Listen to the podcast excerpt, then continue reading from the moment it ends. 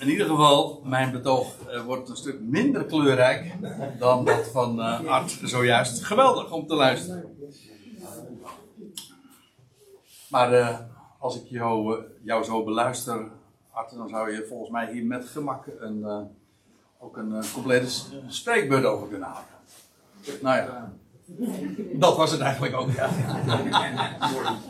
Nee, zo bedoel ik het niet. Dat is een geweldig onderwerp, die kleuren. En eh, ik ga vanmorgen jullie meenemen naar, eh, ja, nou, zoals het in de titel is weergegeven, in Paulus gehuurde woning. En dat is een term die ontleend is aan het slot van het boek Handelingen. Daar gaan we straks ook naartoe. Ik wil eerst even ter inleiding eh, een lijn weergeven. Zoals we die tegenkomen, zoals je die gemakkelijk ook kunt ontdekken wanneer je het boek Handelingen leest. Kijk, als we in Handelingen 28 straks een gedeelte gaan lezen, eh, dan ben je helemaal aan het einde van het boek aangekomen. Dat betekent dus dat er eh, een heleboel hoofdstukken aan vooraf gegaan zijn. En dan is het om Handelingen 28 goed te begrijpen, is het eh, wel zo handig. Dat is meestal met een boek zo. Als je, het, als het eind goed wil begrijpen, dan moet je beginnen bij het begin. En dat is met het boek Handelingen natuurlijk ook niet anders. En het omspant ongeveer deze periode die je hier ook ziet. Namelijk, eh, het begint bij het jaar 30, waarin, eh, het jaar waarin de Heer eh, stierf, opstond en ten hemel voer. In dat jaar. En 40 jaar later heb je dan het jaar van Jeruzalems verwoesting. En een aantal jaren daarvoor, ja, dan arriveert Paulus in Rome. En dat is dus in Handelingen 28. Dus het is eh, pakweg zo'n eh, 1 tot 33 jaar die deze hele periode van de handelingen bestrijdt. Nou, laat ik. eh, trouwens, dit is wel kleurrijk. Want nou ga ik ook eventjes spelen met de drie kleuren van het verkeerslicht. Want je krijgt dan eigenlijk dit verhaal. Het begint allemaal in Jeruzalem. Het begint in Jeruzalem met de twaalf. En het eindigt bij een dertiende apostel in Rome. En als je zo het vertelt van hoe het begon en hoe het eindigt. En je trekt gewoon een rechte lijn, zoals we dat hier eigenlijk ook doen. Ja, dan, ga je toch de vraag stellen, hoezo dan? Eh, wa- wat, is, wat is eigenlijk het betoog? Meestal wordt het zo weergegeven van, nou ja, het begon allemaal geweldig in, in, in Jeruzalem. En het ging steeds maar verder. En uiteindelijk komt Paulus eh, eh, in, in Rome dan aan. Dat is waar. Maar ondertussen is er wel het een en ander gebeurd. Kijk, in die eerste jaren, de eerste drieënhalf jaar, dan wordt heel duidelijk door de twaalf in Jeruzalem gepredikt dat de Messias, die zojuist was vertrokken, eh, zou terugkeren. En, en wel als Israël zich zou bekeren. Vandaar ook dat in die eerste jaren klinkt daar de boodschap: kom tot berouw, kom tot bekering. En eh, de boodschap van de Messias, die zou terugkeren en zijn koninkrijk zou vestigen in Israël en wereldwijd uiteindelijk. Maar dat is die boodschap die in die jaren klinkt. Nou, dat eindigt dan feitelijk bij de steniging van Stefanus, waar we trouwens ook meteen kennis maken met Saulus van Tarsus, die vervolgens een hoofdstuk later daadwerkelijk ook geroepen wordt op de weg naar Damascus. En dat markeert eigenlijk meteen de volgende periode. Want dat is, dat is het feit dat Saulus geroepen wordt buiten het land. En eigenlijk ook als die dertiende apostel die naar de natieën zou gaan. Dat is tekenend. Want waarom vindt die omslag plaats? Wel eigenlijk omdat de boodschap van de opgestaande Messias verworpen werd door Jeruzalem en door de Joodse staat. En door het, eh, het volk al zodanig. Officieel ook, het Sanhedrin, die de vertegenwoordigers, de regering eigenlijk vormde van het Joodse volk, die heeft de boodschap verworpen. En dat, dat zie je dus feitelijk heel duidelijk gemarkeerd in de, in de steniging van Stefanus, want dat was een daad die het Sanhedrin verrichtte. En daarmee werd eh, ja, de kroon, want dat betekent Stefanus eigenlijk eh, terzijde geschoven. En dat markeert meteen dus een hele nieuwe periode. En ik uh, maak dat uh, duidelijk met deze woorden, Israël struikeling. Dat is zoals Paulus dat uh, in de Romeinenbrief ook formuleert. Israël struikelde over de steen des aanstoot en daardoor ging de boodschap naar de natie. De redding ging naar de natie. Ook die uitdrukking zullen we straks nog tegenkomen. En feitelijk is dat vanaf handelingen 9. En dat gaat zich meer en meer aftekenen. En dan krijg je, je zou het nog wat meer nader kunnen specificeren. Wat meer mijlpalen naar neerzetten. Maar dan krijg je dat Saulus Paulus wordt en daadwerkelijk ook naar de natie gaan. Dat is handelingen 13. En die hele periode, decennia lang, dan is de focus volledig op die Paulus van gericht. In het boek Handelingen gaat het dan eigenlijk alleen nog maar over Paulus. En voor zover die anderen nog aan de orde komen, is dat omdat Paulus hen ontmoet. Bijvoorbeeld in Jeruzalem. Maar meer niet. Maar, en dit is ook uh, meteen, ja, ik heb dat, uh, dat alarmlicht, hè, want dat is rood ook, dat hebben we zojuist gehoord. het is ook een alarmering, want hier stond nog steeds de deur op een kier. De, het evangelie ging naar de natie, maar Paulus zegt ook van ja, dat is om hen, Israël, tot jaloersheid nog te prikkelen. Feitelijk is het niet meer de boodschap van uh, Israël gaat hersteld worden, maar nu eigenlijk, jullie hebben het verworpen en nu gaat het naar de natie. Maar er is nog steeds, het is oranje. Het is uh, alarm.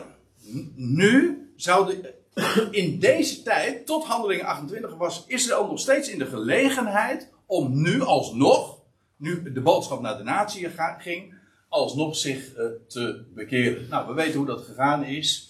En dan arriveert vervolgens Paulus in Rome, en dat is waar we straks dus gaan aanhaken.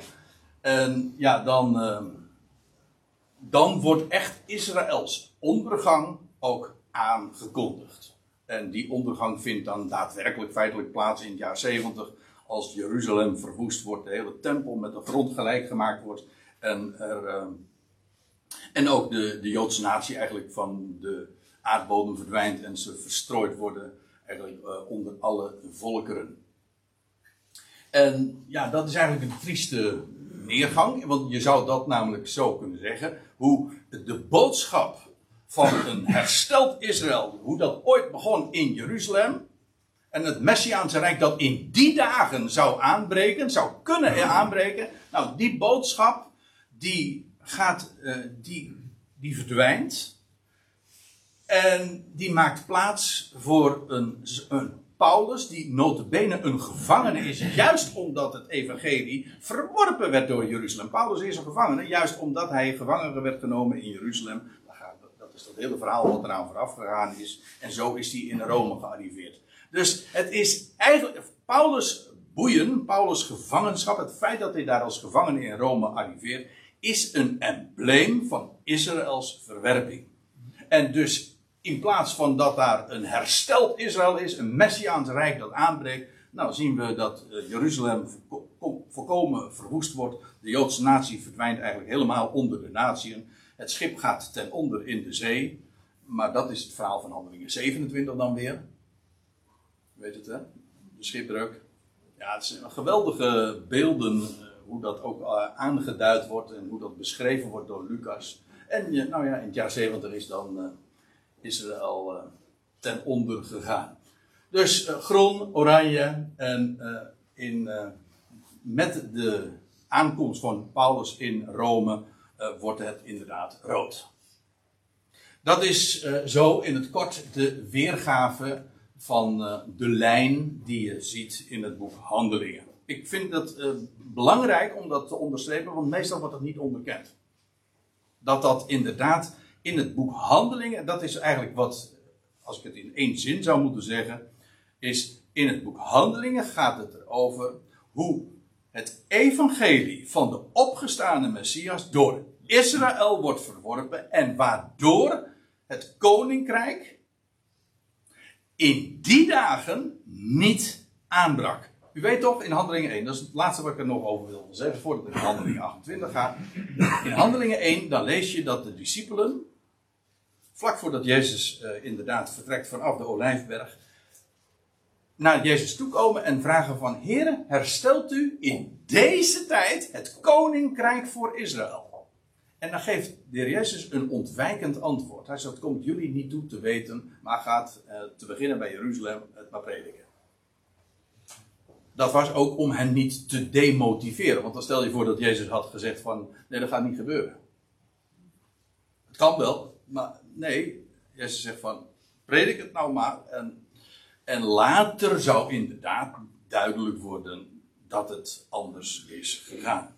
En uh, dat het uh, van Rachel toch Lea werd. Ja, om eventjes toch. Uh, en zie. Hè? Het, en zie, het was Lea, dat was het. Hè?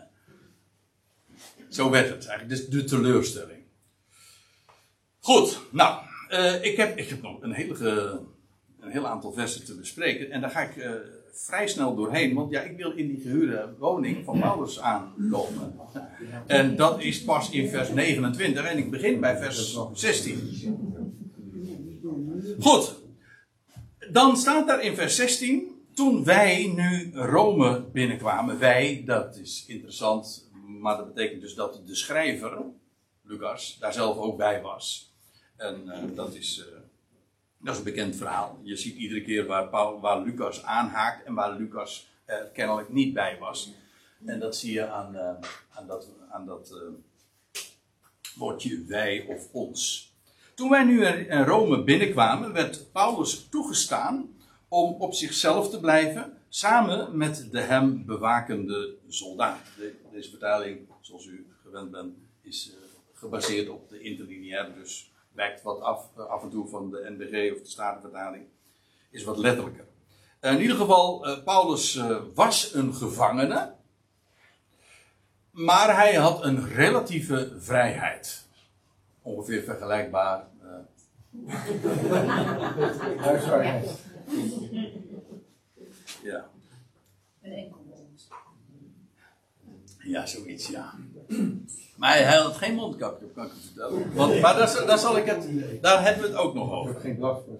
Goed. Werd Paulus toegestaan om op zichzelf te blijven samen met de hem bewakende soldaat. Ik heb begrepen dat hij in principe.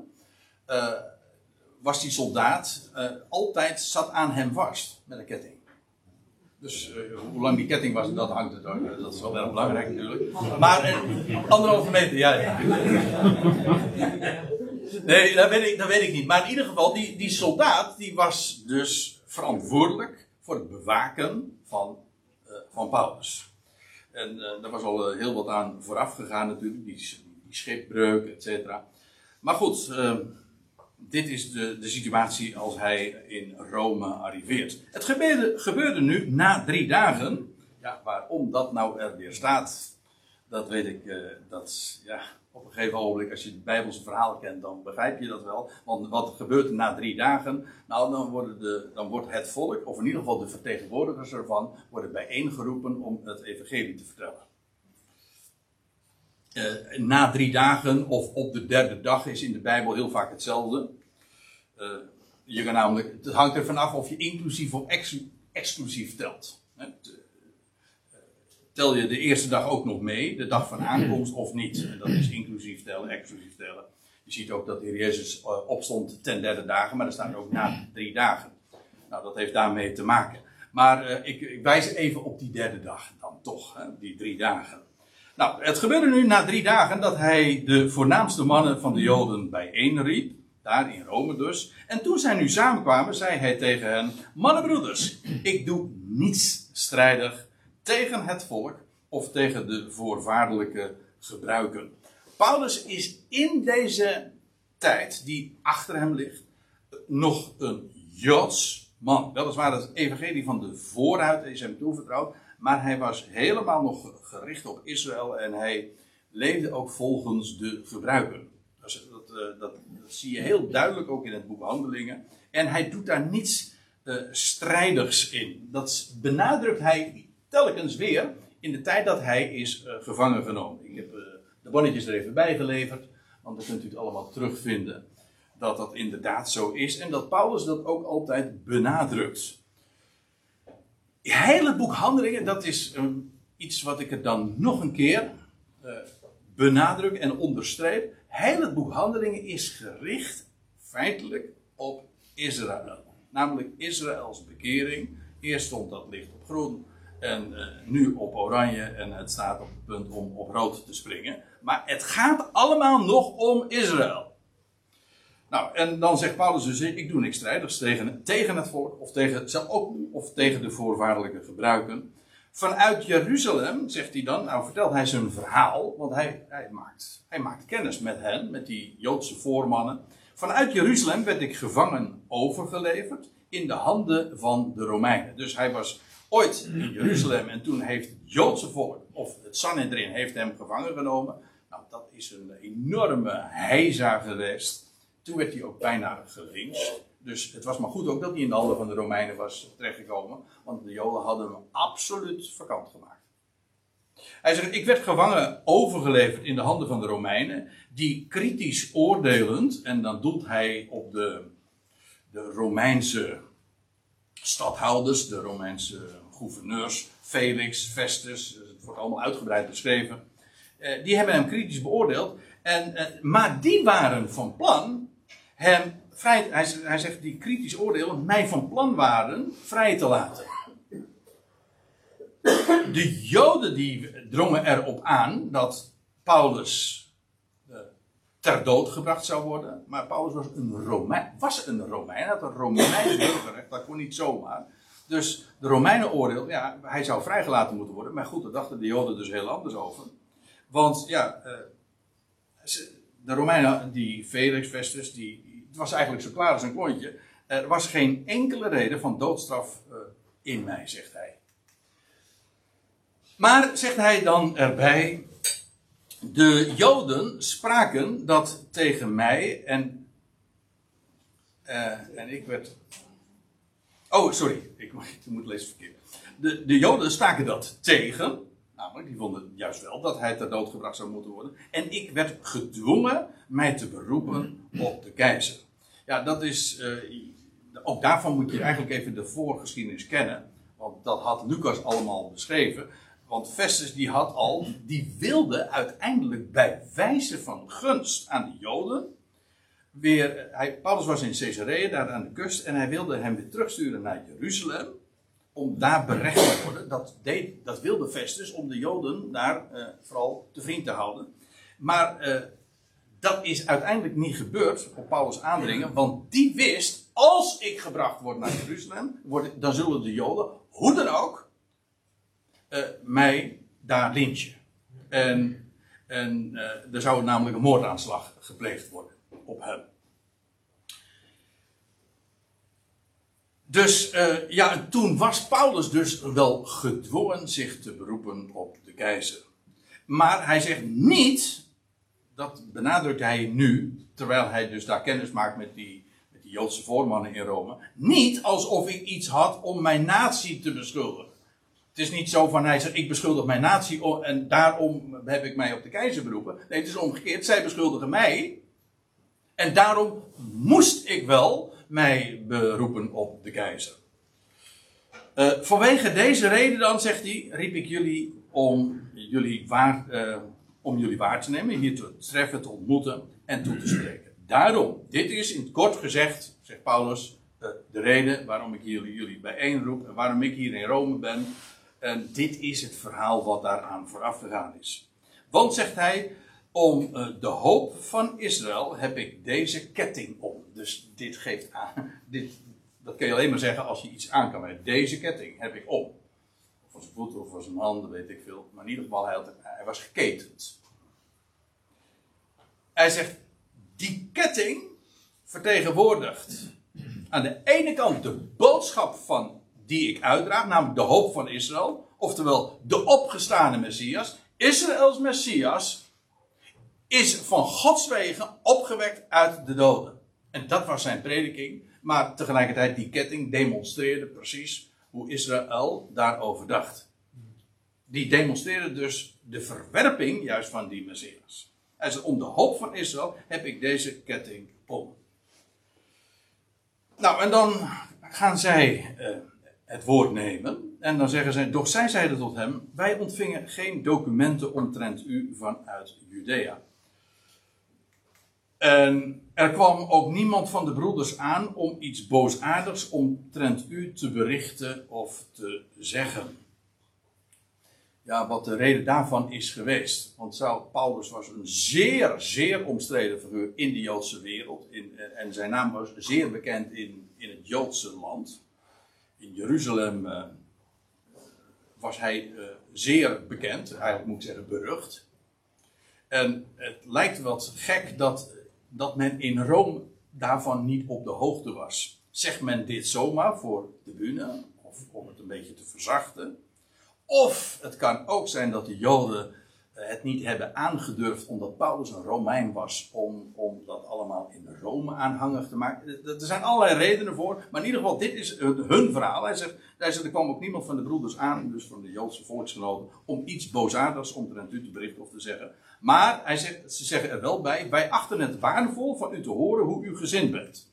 Want inderdaad, omtrent deze secte, die wordt de secte van de Nazareners genoemd. diverse keren terug in het boek uh, Handelingen. Dat heeft trouwens niet de negatieve betekenis per se die wij aan het woord secte toekennen hoor. Want ook de Farizeeërs heet een secte. Of de Sadduceeën heet ook een secte. Eigenlijk is het, uh, het is gewoon een partij. Gewoon een richting.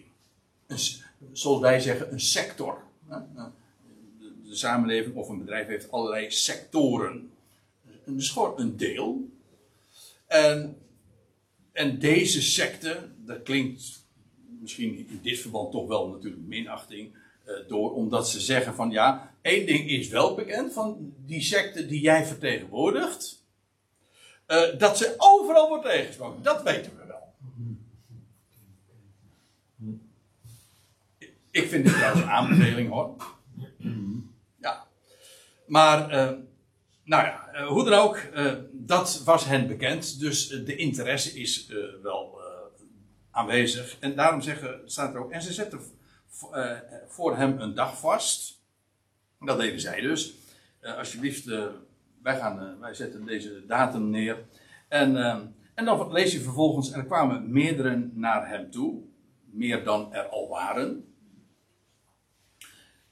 in zijn gastverblijf. Ja, dan zijn we dan toch al even in de gehuurde woning. Dat, hier heet het nog een gastverblijf, maar later lees je dat het een gehuurde, in Paulus' eigen gehuurde woning was. Goed, er wordt een datum geprikt en ze zeggen van nou, dan komen er nog meer mensen van de Joden die daar van moeten weten en dan, kun je, dan kunnen we het er eens een keer goed uitgebreid, diepgaand over hebben.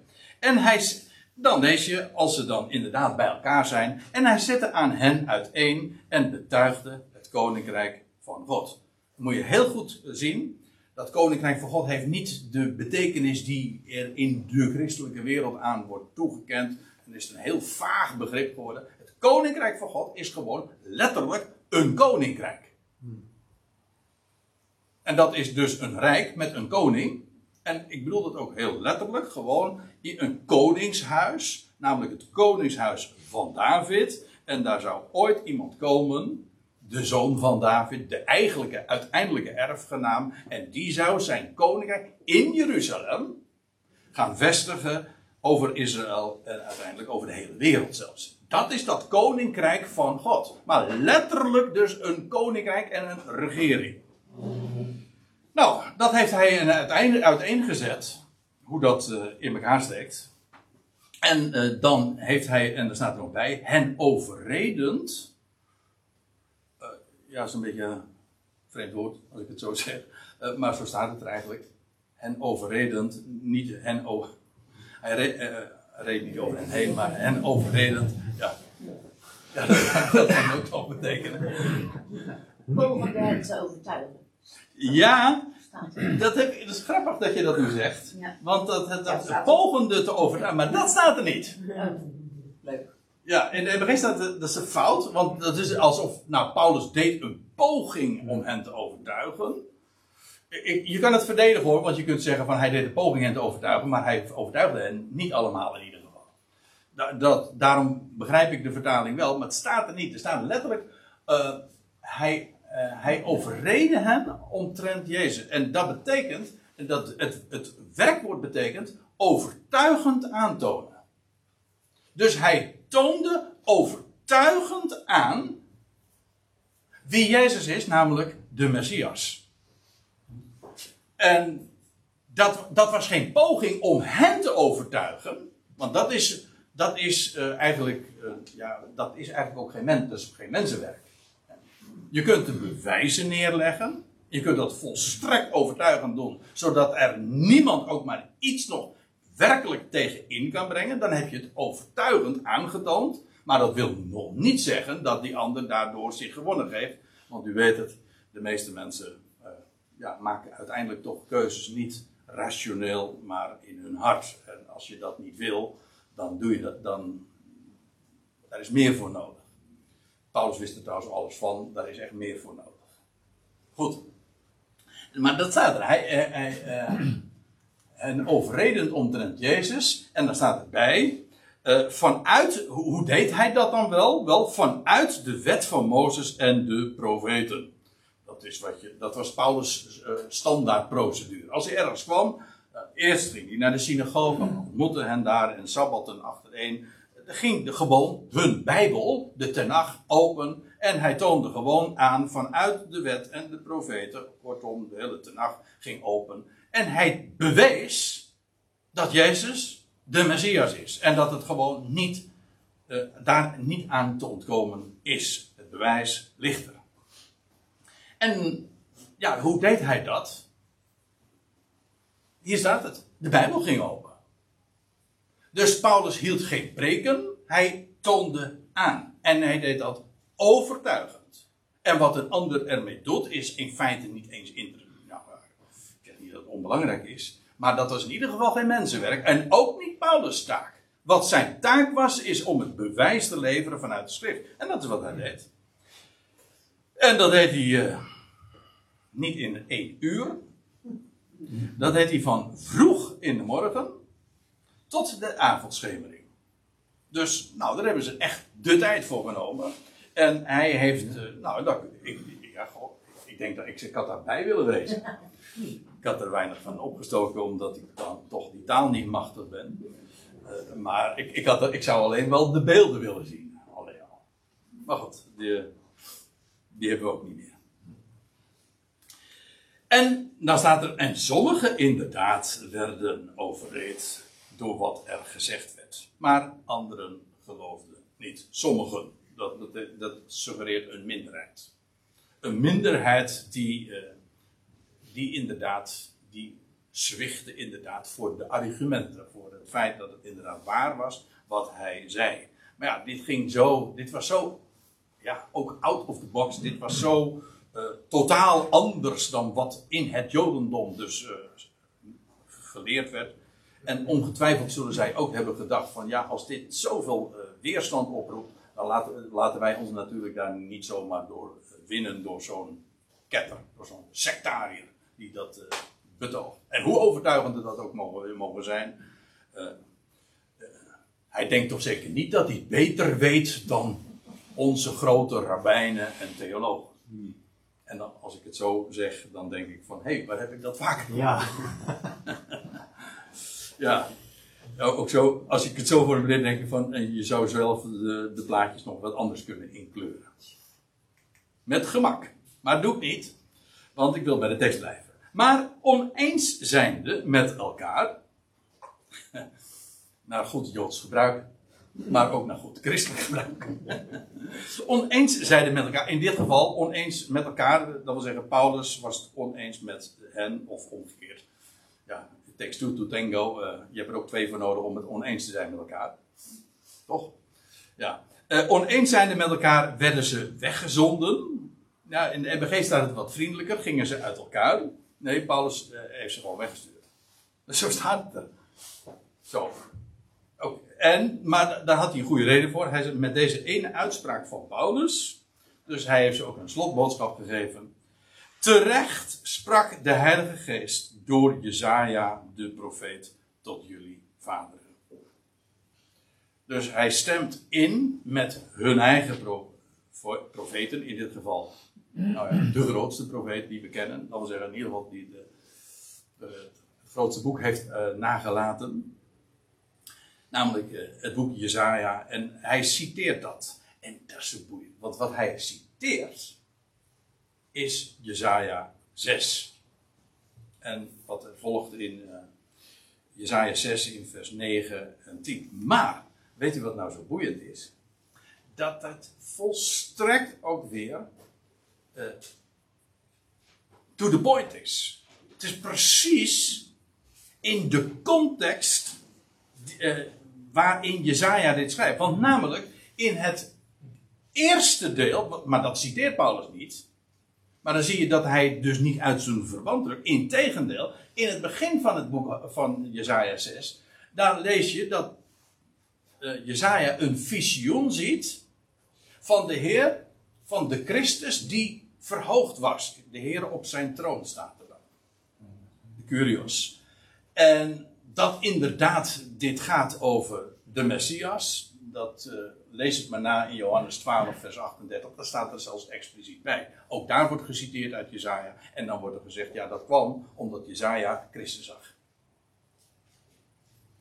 Dus, eerst wordt daar in Jezaja beschreven dat Christus verhoogd is. En dan vervolgens, dat is wat nu gaat komen, het ongeloof van Israël. Dus in Jezaja is al op zijn minst verborgen, staat al geschreven hoe dat zou gaan met de Christus die inderdaad verhoogd is, maar uh, die uh, wat ook als gevolg zou hebben het ongeloof van Israël. Nou, en dan zegt hij, uh, of Paulus citeert dan door de, de profeet Jezaja, die tot het volk, tot jullie vaderen sprak, zeggende, ga naar dit volk en zeg, met gehoor zullen jullie horen en toch niet begrijpen. Kijk, het feit dat een boodschap je oor bereikt, en dan hoef je gewoon niet eens fysiek doof te zijn, dan hoef je niet doof te wezen, maar het kan zelfs gewoon er binnenkomen. Wij zeggen dan van, het gaat er hier in, het gaat er daar weer uit. Nou, zoiets dan. Maar in ieder geval, het kwartje, dat is een andere uitdrukking, valt niet. Hij zegt, met gehoor zullen jullie horen. Jullie horen het wel. Hij zegt, maar jullie begrijpen het niet. En, en ziende zullen jullie zien en toch niet waarnemen. Dit is trouwens ook heel uh, veelzeggend, want ja, uh, dit staat in Handelingen 28. Er waren jaren aan vooraf gegaan. En het hele boek Handelingen wemelt het van wondertekenen onder het volk van Israël, onder het Joodse volk. Die wondertekenen die je in het boek Handelingen ziet, die moesten ook bewijzen dat Jezus is de Messias. Want Israël moest dat ook zien. Niet alleen horen, maar ook zien. En ze hebben het gezien. Tal van wondertekenen. Ja, de charismatische wereld en de Pinksterwereld wordt helemaal uit zijn verband gerukt. En zegt van ja, in de boekhandelingen die denken van ja, dat is, uh, dat is eigenlijk net zoals onze tijd en zoals dat vond toen plaats. Dus waarom zou dat vandaag niet plaatsvinden? Nou, dan begrijp je dus echt, sorry dat ik het zeg, dan begrijp je echt helemaal niks van het boek Handelingen. Het boek Handelingen was juist om in die generatie het bewijs te leveren dat Jezus is de beloofde Messias. En al die tekenen die plaatsvinden, ik bedoel die zichtbare tekenen, die moesten voor Israël het bewijs zijn, hij is dus echt de Messias. En al die tekenen ondersteunen dat, bewijzen dat. Hij zegt, en jullie hebben het gezien, maar toch, ja, je ziet het, maar ook dan geldt, net als met horen, uh, het, het kwartje valt niet. Jullie, weten, jullie nemen het niet echt waar. Je ziet het en toch zie je het niet. Rara, hoe kan dat? Want het, en dan zegt het bij, want het hart van dit volk is log gemaakt. Ja, vet geworden. Staat er in de NBG-vertaling. En, maar het idee, ja, het idee is eigenlijk hetzelfde. Uh, zodanig dat je, jullie zijn uh, zo uh, volgevreten, zeg maar, vet geworden, maar ook log geworden. Er is geen beweging meer in te krijgen. En toch, to, jullie zijn eigenlijk ook murf voor het woord geworden. Zodat als de waarheid klinkt, het dringt niet door.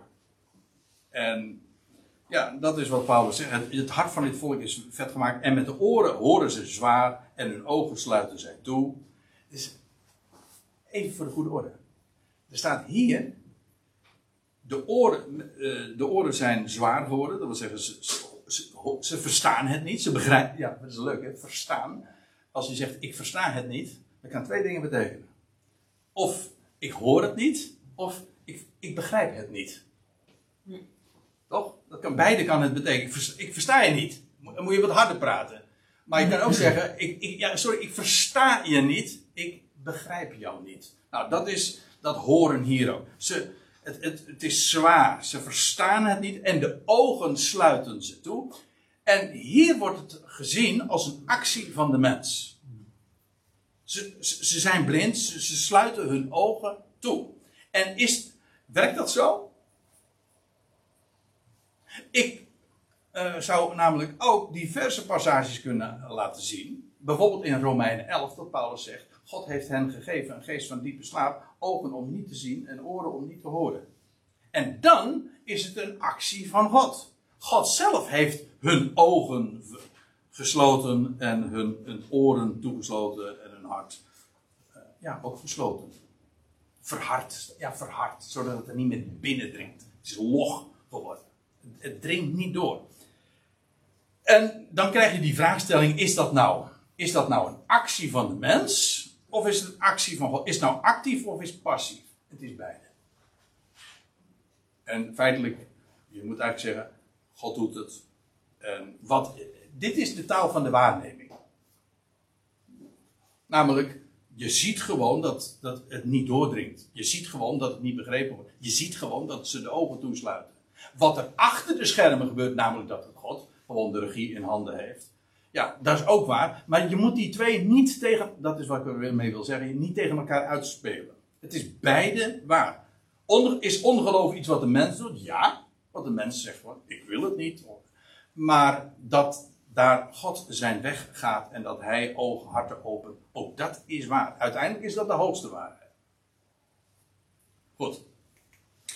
Uh, er staat nog bij, uh, de ogen sluiten ze toe, opdat ze niet waarnemen met de ogen en met de oren zouden horen. Het is ook inderdaad, en hier zie je dus weer uh, het goddelijke oogmerk, het is allemaal in overeenstemming met Gods bedoeling.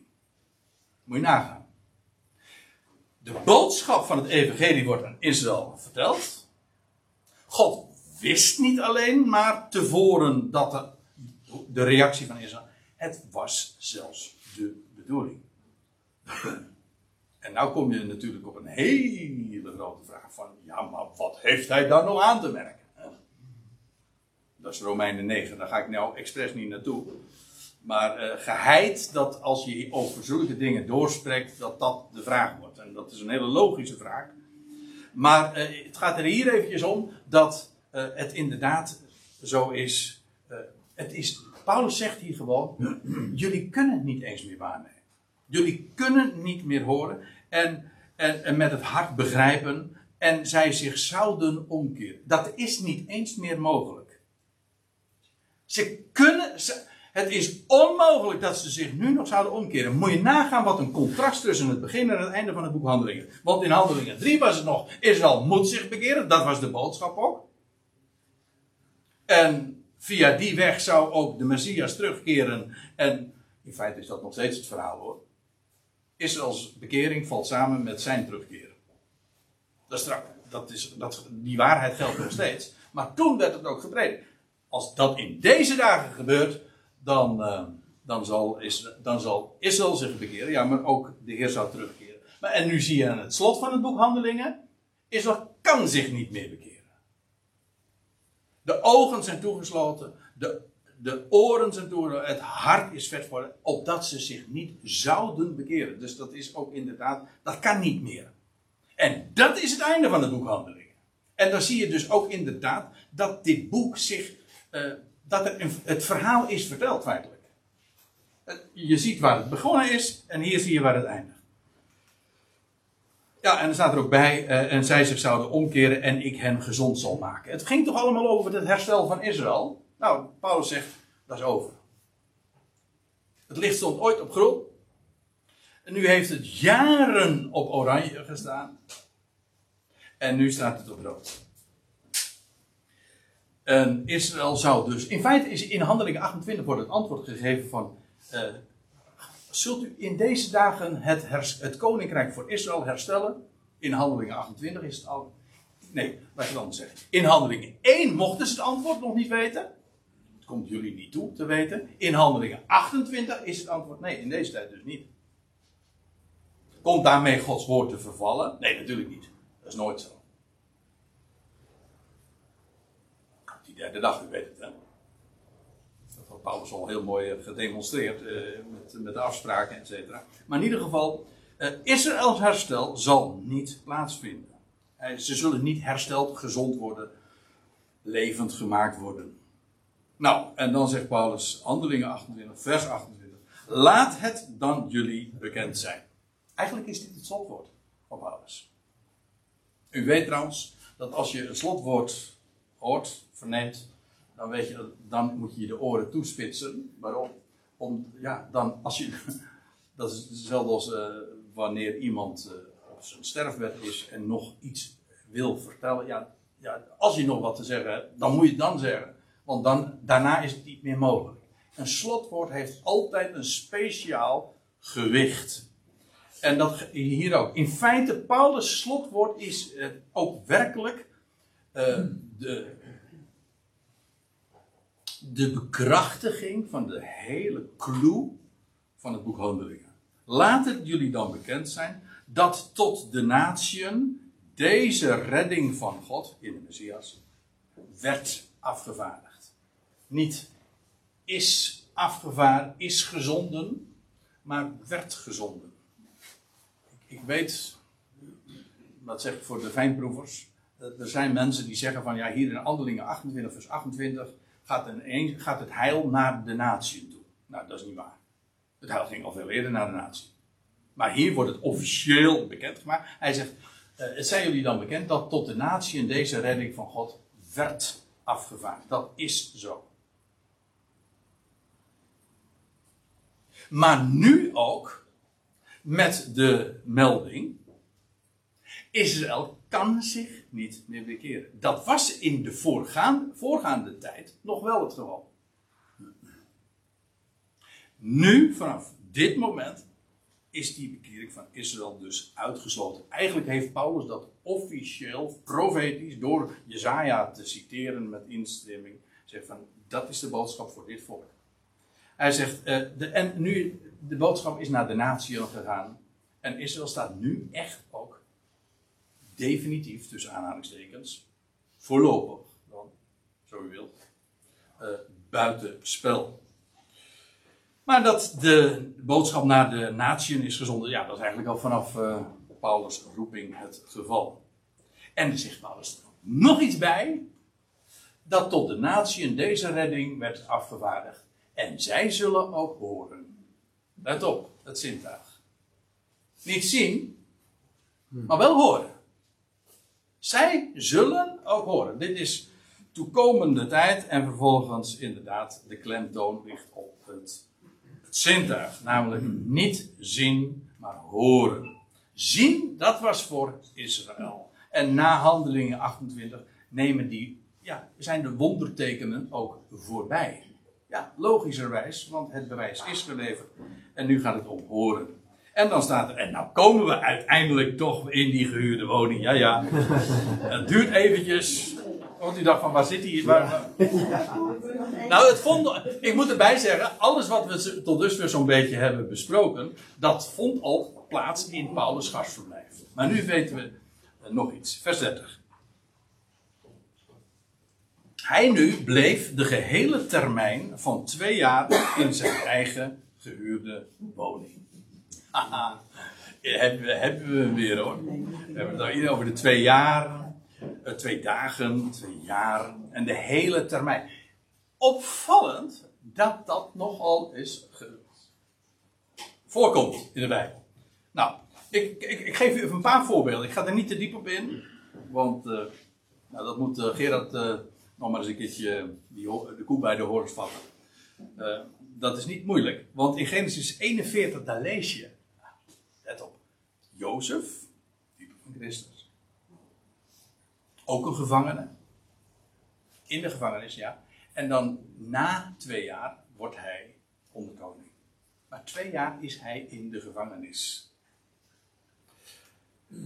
Paulus is hier twee jaar in die gehuurde woning, maar was eigenlijk ook daar een gevangene. Maar hij was eerder twee jaar gevangen. Dat was namelijk in Caesarea. Dat staat letterlijk zo in handelingen 24 en 27. En die termijn van twee weken, maanden eh, of jaren, maar ik, wat dacht u van twintig? Die, ik noem hem expres even bij, omdat ik hem wel heel erg mooi vind en ook makkelijk te begrijpen. Van Jacob lees je. Die ging naar het buitenland toe. En hij kwam, Jacob kwam ook weer terug in het land. Als Israël trouwens. Via de, hij, was, hij werd bekeerd hè. Bij de Jabok. Ja, toen werd Jacob bekeerd en toen werd bij de Jabok. En toen kwam die. En dat was na twintig jaren, staat er. Hij was twintig jaar daar in, bij uh, zijn oom Laban. Twintig jaar. En na die twintig jaar keert hij weer terug. Daar, daar is iets met die twee jaar natuurlijk. En uh, hier in dit gezelschap uh, is dat geen geheim. Maar dit moet zo ja, duidelijk inmiddels zijn. Het is een type van die twee millennia waarin Israël terzijde staat. Dat is kenmerkend voor die hele periode van twee jaar of twee weken of twee dagen of twintig jaar. Maar in ieder geval die twee of 2000 ellen of nou ja, er zijn nog wat varianten. Maar Israël staat daarin terzijde. En het koninkrijk, dat is eigenlijk de logische consequentie is dus ook verborgen, want het koninkrijk wordt geopenbaard via Israël. Maar als Israël terzijde staat, is dus het koninkrijk verborgen. En waar dan wel? Wel onder de natie. Dat is verborgen. Eigenlijk is dat het verhaal van die twee millennia. En wat gebeurt er dan? Nou, er valt niks te zien in die twee jaar, in die, ja, in die twintig jaar, in die twee millennia. Er valt niks te zien, maar wel te horen. En dat is eigenlijk ook het verhaal uh, van Paulus in zijn eigen gehuurde woning. Want hij was daar dus. Ja, hoe dat precies gegaan is, weet ik niet. Maar hij betaalde dus. Hij, ik zei al, hij had een relatieve vrijheid. Er was altijd iemand, een soldaat, een Romeinse soldaat, die aan zijn zijde was. Die hem bewaakte, moest bewaken. Paulus wachtte eigenlijk ook nog steeds op uh, zijn berechting. En uh, ik heb begrepen, in het Romeins recht was het zo dat voor een Romein die uh, daarop wachtte, die hadden de, de, aanklagers anderhalf jaar, 18 maanden de tijd om uh, met een aanklacht te komen. Maar goed, Paulus is dus die volle termijn van twee jaar daar gebleven. In zijn eigen gehuurde woning, waar die dus ook. Hij, hij, heeft dat zelf betaald. En, maar, en ja, hij had daar dus relatieve vrijheid. Ja, ik zeg relatief, omdat hij, ja, goh, uh, uh, als je echt gevangene bent, dan, dan kun je niet je eigen woningen uitkiezen. En, trouwens, dan je, dat is het voordeel dan ook weer, dan hoef je ook voor je woning niet te betalen. maar Paulus deed dat dus wel. En, en er staat er nog bij, en hij verwelkomde allen die bij hem binnenkwamen. Dat is, dat is een van de laatste dingen die je daar leest. Dus het is hier niet meer uitgaan, weet je wel, om de wereld te beginnen over Israël. Nee, hij, het, is niet, het is binnenkomen. Hè? Ontvangen. Eigenlijk zijn huis, Paulus' huis, is een open huis. Voor iedereen wie het maar wil horen. Voor iedereen die het wil horen. Er is, hij had iets geweldigs te melden. Werkelijk een evangelie, werkelijk een goed bericht. Hij kon het bewijzen. Dat deed hij ook. En, en iedereen was welkom. Iedereen was welkom. En er was niet de beperking van zoveel mensen in huis. dus, uh, Anderhalve meter. Nee, ja, dat is mooi. Hè? Eh, alleen dit al. Ik vind dit zo'n prachtig plaatje eigenlijk al van wat de Ecclesia is. Geen kathedraal, die had je trouwens toen ook nog niet in Rome. Je had wel hele mooie gebouwen al. Maar eh, ja, nu als je in Rome komt, een mooie, geweldige kerkgebouwen enzovoort. Nou, u kent ze, de, we kennen de namen. Maar hij was in zijn eigen gehuurde woning.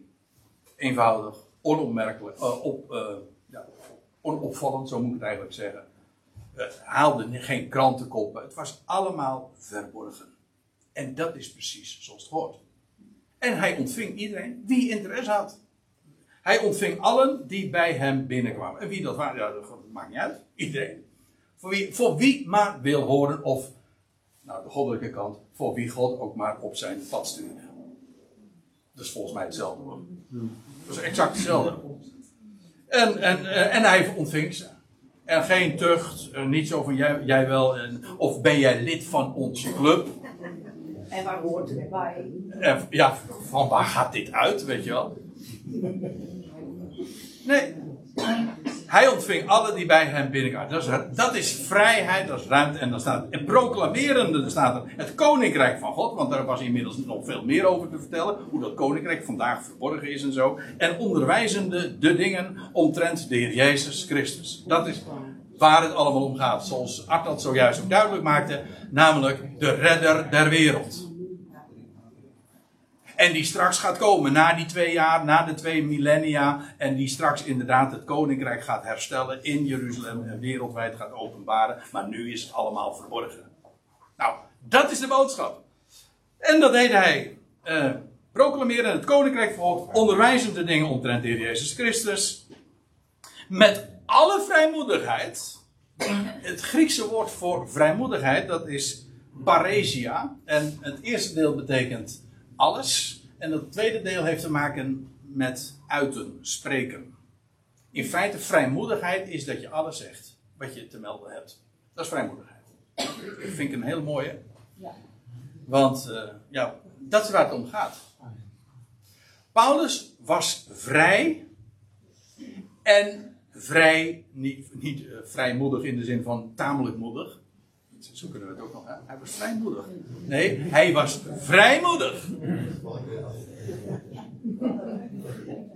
Hij had, het is ook de moed, dat is, zo kun je het in Nederland zeggen. Hij had de moed om vrij te Want dat is nou, u zegt van, dat, wat voor moed heb je daarvoor nodig? Nou, gewoon, hij, weet je, het is ook zo belangrijk voor iemand die het woord doorgeeft. Dat geldt voor allemaal. En zeker als je, als je dat aan het publiek doet, of als je in ieder geval het woord spreekt melden wat je te melden hebt.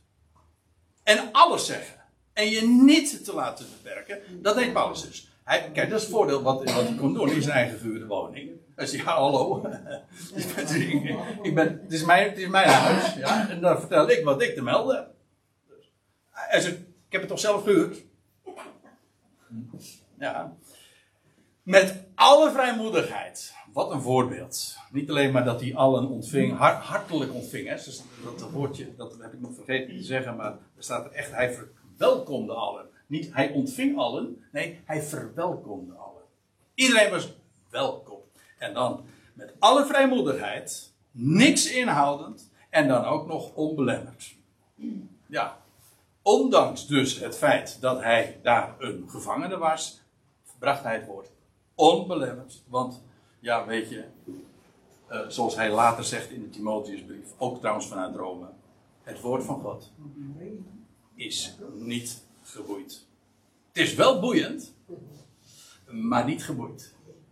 En Paulus vertelde daarvan. En dit, die twee jaar in Paulus gehuurde woning, dat is eigenlijk wat ik wil zeggen. Aan het slot van handelingen. Het eindigt heel abrupt. Het is net alsof het boek niet af is. Dat hebben een heleboel mensen ook gezegd. Hè? Het boek handelingen is eigenlijk niet af. Dat, nee, dat klopt ook. Het is abrupt. Het wordt vervolgd. To be continued, zeggen ze dan. Hè? Het, het wordt vervolgd. Maar dit is dus de huidige situatie. Dit is het plaatje van de tegenwoordige tijd. In vrijheid, iedereen is welkom. Het woord wordt gepredikt. Israël staat terzijde. En de derde dag. En dat vind ik het mooie. Paulus was aan het begin van die twee millennia. En wij staan aan het einde. Dus het wordt er alleen maar mooier. Wij zijn weer wat dichterbij. Heel wat dichterbij zelfs. Nou, daar wilde ik het uh, voor vandaag bij laten.